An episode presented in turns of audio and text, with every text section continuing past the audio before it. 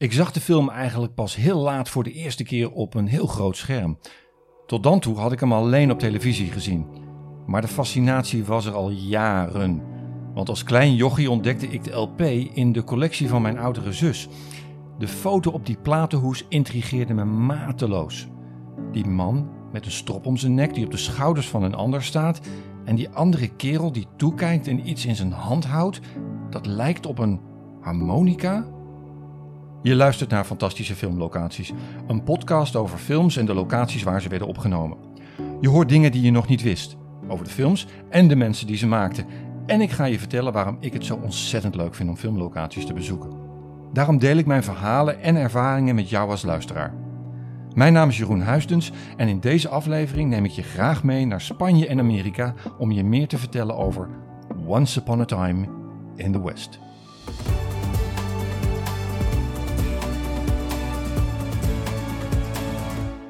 Once Upon a Time in the West. Wie kent hem niet? De film van regisseur Sergio Leone met Henry Fonda, Charles Bronson, Jason Robards en Claudia Cardinale. En met de onsterfelijke muziek van Ennio Morricone. Het zal je waarschijnlijk niet verbazen dat veel van de locaties er nu niet meer zo uitzien zoals in de film. Maar ja, wat wil je ook met een film uit 1968 die zich afspeelt in het rauwe Amerika aan het einde van de 19e eeuw? Toch heb ik hopelijk nog wat verrassingen voor je in petto. Laten we eens even beginnen bij het begin. En daarmee bedoel ik echt het begin van de film. De klassieke openingsscène met de drie cowboys die wachten op iemand die met de trein aankomt. Die scène zet in alle opzichten direct de toon, qua beeld, geluid en dialoog. Of misschien wel het ontbreken daarvan.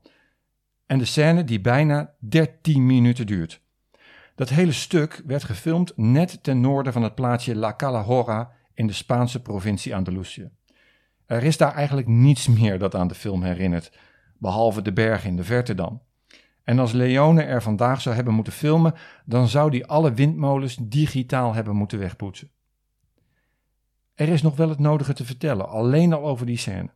Zoals het verhaal dat een van de drie bad guys, acteur El Mullock, zelfmoord pleegde door tijdens de productie van de film uit zijn hotelkamer te springen.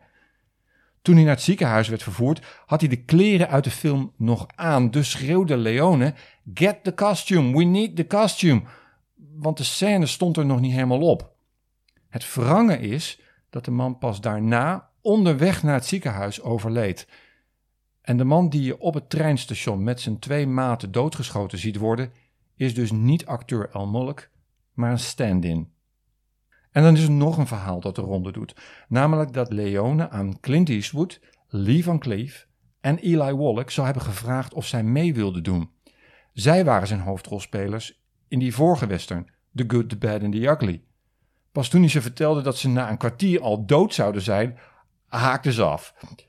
Eastwood ontkent dat verhaal overigens en zegt dat hij wel voor de rol van harmonica is gevraagd. Frank? Frank sent us.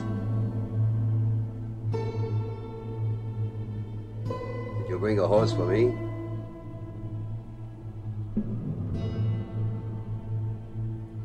Well, Looks like we're. Looks like we're shy of one horse.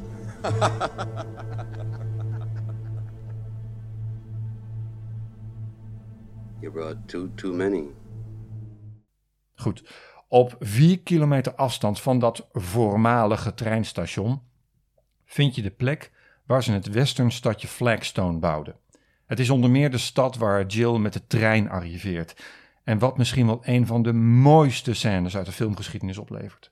Dankzij de cameravoering van Tonini Delicoli en de muziek van Morricone. Het is een bekend gegeven dat de muziek al klaar was toen de film nog moest worden opgenomen. En dat Leone ervoor koos om de muziek op de set af te spelen. Daardoor kon hij filmen op het ritme van de muziek.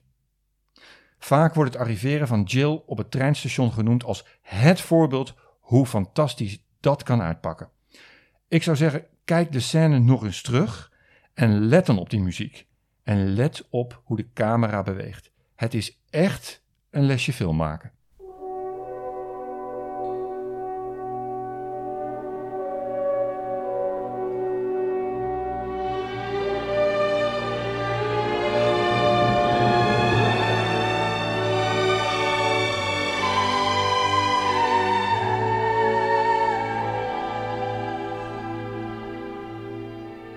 Ook van Flagstone is 55 jaar na de opname niet veel terug te vinden.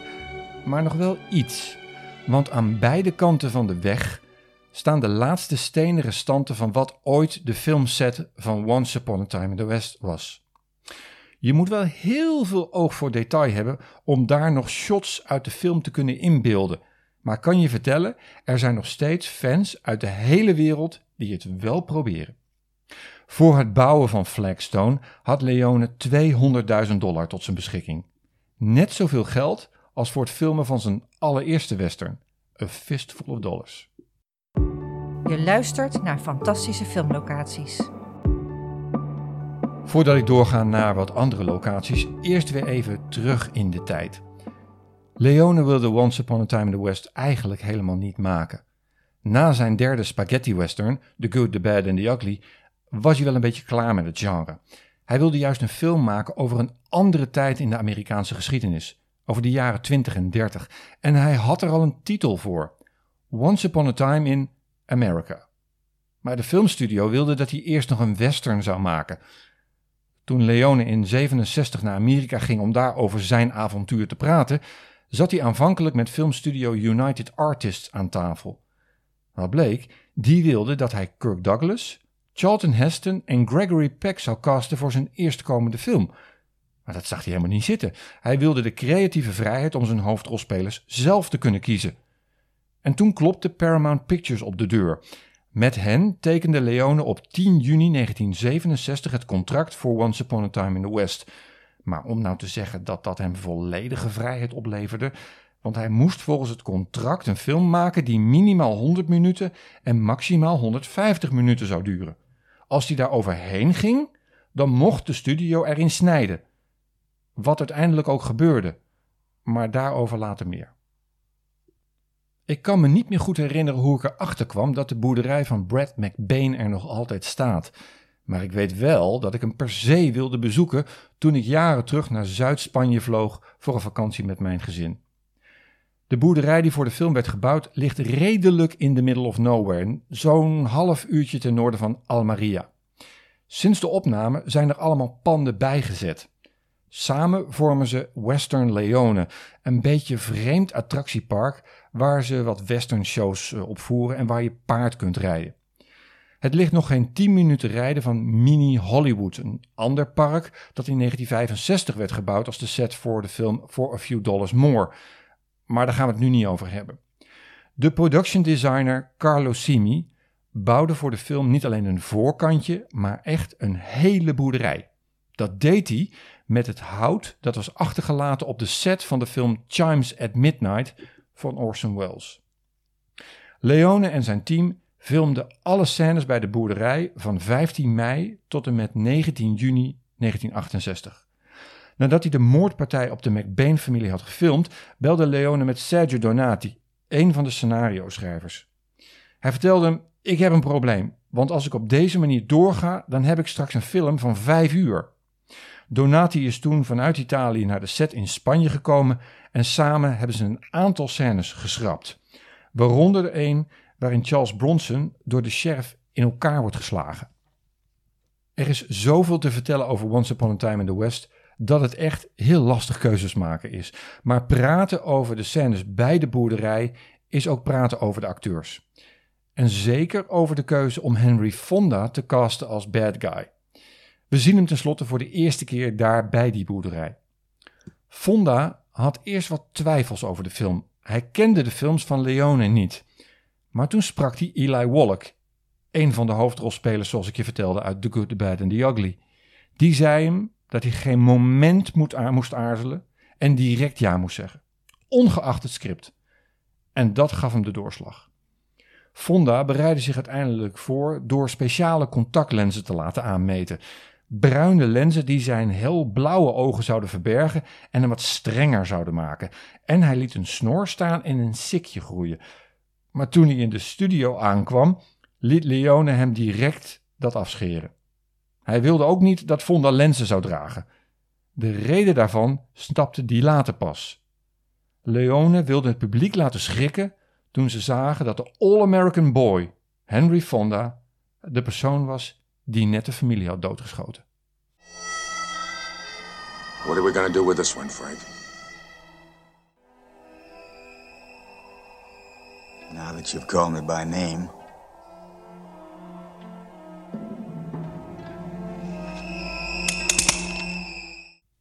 Ik vraag me af wat Leone en Simi ervan zouden hebben gevonden dat hun filmset er 55 jaar later nog steeds staat. En dat hij te koop is. Want Western Leone is een paar maanden geleden in de verkoop gegaan. Voor 2,8 miljoen euro ben je eigenaar van 8,5 hectare in Zuid-Spanje en eigenaar van een indrukwekkend stukje filmgeschiedenis. Ik zou het wel een mooi idee vinden als filmfans wereldwijd het samen zouden kopen en de boerderij zou worden omgebouwd tot een Sergio Leone museum. Maar hé, hey, dan ben ik. You don't sell the dream of a lifetime. Het bezoek aan Western Leone al die jaren terug vergeet ik niet gauw. Mijn zoon was toen pakweg drie jaar en te klein voor de stoere cowboy om te zien toen die via de klapdeuren bij de boerderij naar buiten kwam denderen. Het was echt een enorme klap. Maar ik moet zeggen, mijn zoontje stuiterde als een volleerd stuntman achterover. Gelukkig mankeerde hij niks en kwamen we allemaal met de schrik vrij. Maar de blik van die ongelofelijke, klunzige cowboy, die ben ik niet vergeten. Het was in ieder geval niet wat je zou kunnen noemen een Charles Bronson blik. Van een duel achter de boerderij is het gelukkig overigens niet gekomen. Wil je meer weten? Blijf dan luisteren naar fantastische filmlocaties. Op een kwartiertje rijden van de boerderij ligt nog een Western Park. En dat heet Fort Bravo. Op het terrein daarvan staat een oranje stenen boog.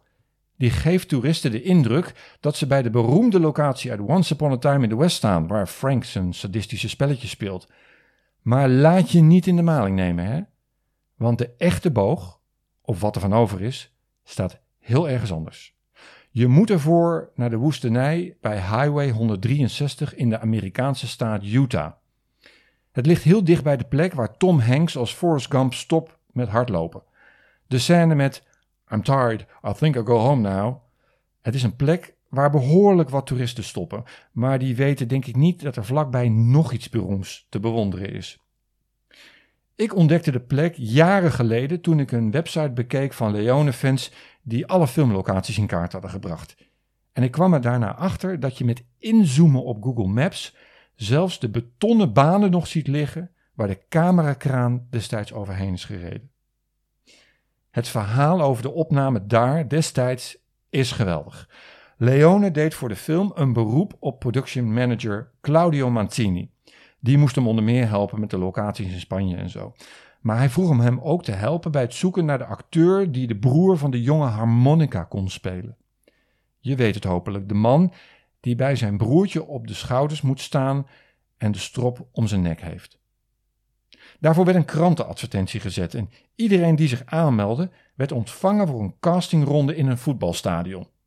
Er kwamen allerlei mannen op af. Maar niemand had de Charles Bronson look waar Leone naar zocht. Casting mislukt. En toen ze daarna naar Amerika gingen en er nog niemand voor die rol was, werden er een paar mensen toch heel zenuwachtig.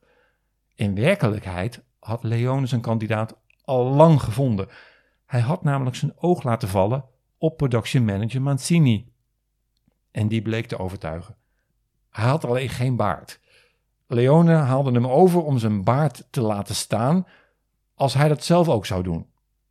Leone heeft zijn baard daarna nooit meer afgeschoren. Vooruit, nog een verhaal over die scène. Mancini vond het zelf pas geloofwaardig als hij de strop om zijn nek met zijn handen achter zijn rug zelf zou vasthouden, omdat het touw dan strak stond en hij zelf kon loslaten wanneer hij wilde. Maar zo balanceren met de handen achter op je rug, dat was toch knap lastig. De strop kwam steeds strakker om zijn nek te zitten. Je moet het er maar voor over hebben, hè, als acteur. De scène werd op verschillende dagen begin augustus 1968 gefilmd. En we spoelen vervolgens de tijd even 46 jaar door. Na jaren op de wensenlijst is Utah in 2014 bij mij aan de beurt. Ik heb de kaart met de exacte locatie op mijn telefoon ingeladen en ik weet dat ik bij Old Airport Road rechtsaf moet slaan.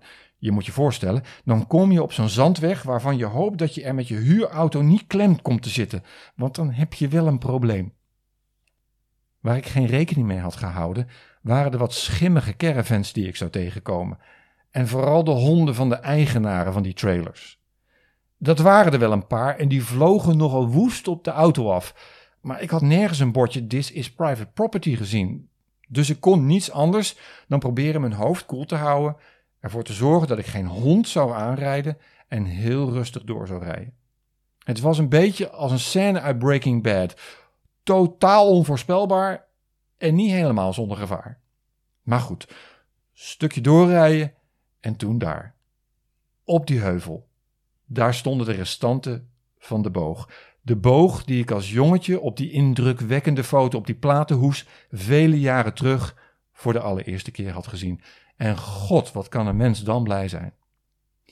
Maar het doet je filmhart ook wel een beetje pijn om te zien dat er vrijwel niets meer van over is, behalve twee grote brokken gemetselde stenen en vooral veel stuk geslagen flessen. Maar oh, wat hebben ze een mooie locatie uitgekozen.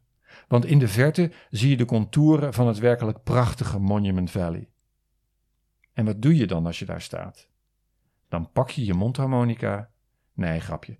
Dan pak je je telefoon en dan start je de muziek.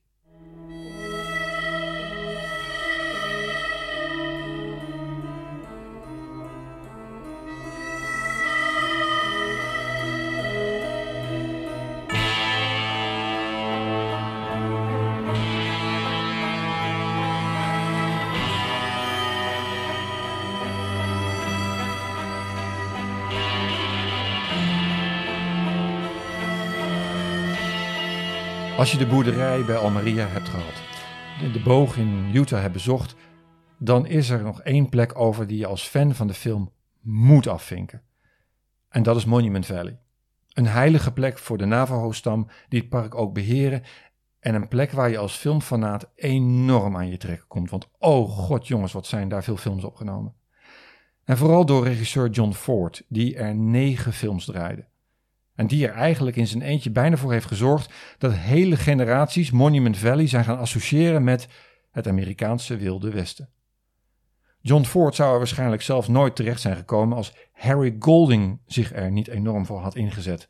Het was die Golding die filmmakers uit Hollywood naar de regio probeerde te krijgen om zo het toerisme in de regio op gang te krijgen. En daar is hij met de cowboyfilms wel ingeslaagd, zou je kunnen zeggen.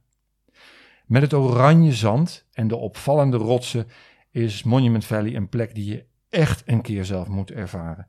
Je kunt er overnachten in het View Hotel of in de houten cabines.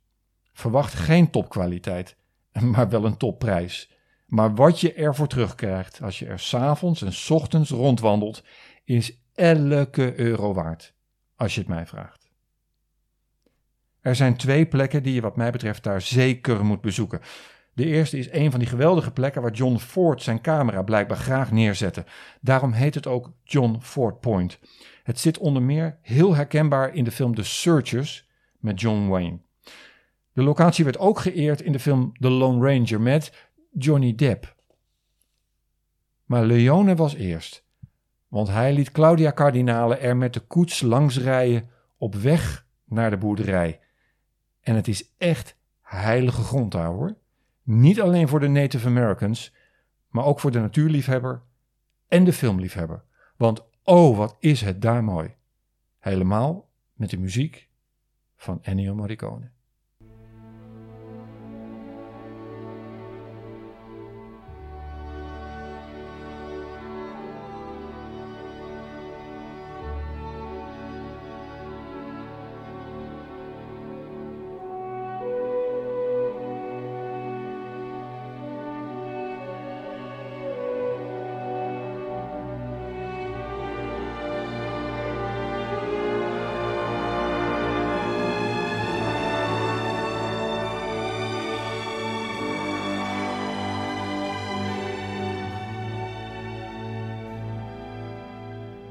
De tweede plek waar je echt moet stoppen is North Window Overlook.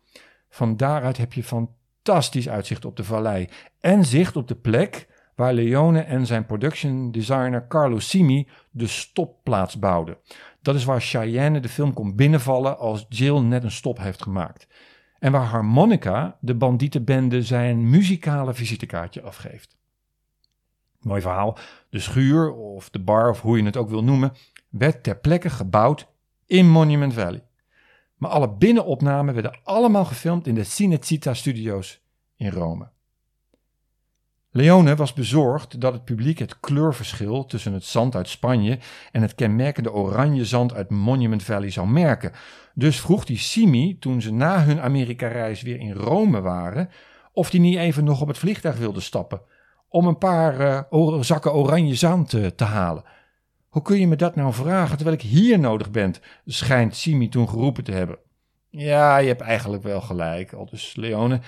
Stuur maar wel iemand anders. En al dus geschieden. De oranje stof die je in de film door de kieren van de deur heen ziet komen als Cheyenne zijn entree maakt, komt echt uit Monument Valley.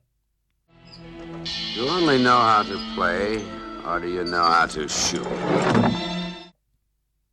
Toen Leone klaar was met het monteren van de film, leverde dat een verhaal op van 166 minuten.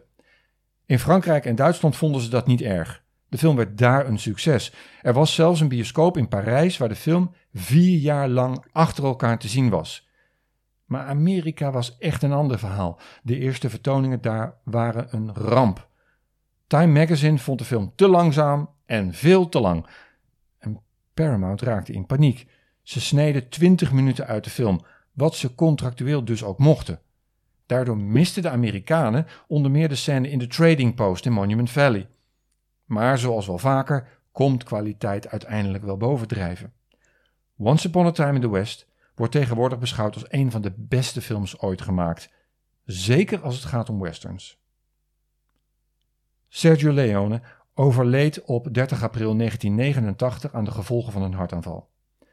Hij was net 60 jaar geworden. Van de vier hoofdpersonen uit de film leeft alleen Claudia Cardinale nog. Ze was een paar jaar geleden nog in Nederland om het filmfestival Film by the Sea bij te wonen. En natuurlijk een vertoning van Once Upon a Time in the West. In de grote zaal. Op een groot doek. En één keer raden wie er bij die vertoning bijna vooraan zat. Nou, dat was het weer voor deze keer. Je luisterde naar fantastische filmlocaties. Deze aflevering werd weer gemaakt door Jeroen Huistens. De muziek die je hoort is van Alex Savoshka. Speciale dank gaat uit naar Christopher Frayling voor zijn werkelijk geweldige boeken over Sergio Leone, waaronder Shooting a Masterpiece. En ook dank aan de makers van The Making of. Een overzicht van de filmlocaties met hele handige GPS-gegevens vind je op de website cnit.com. Op Spotify heb ik een playlist staan met de muziek uit deze hele serie en die vind je natuurlijk onder de titel Fantastische filmlocaties. Wil je voortaan geen aflevering missen? Abonneer je dan op deze podcast. Dat kan bij Apple Podcast, Spotify of SoundCloud. Ik hoor graag wat je ervan vindt, dus laat vooral een recensie achter. Ik zeg tot de volgende keer.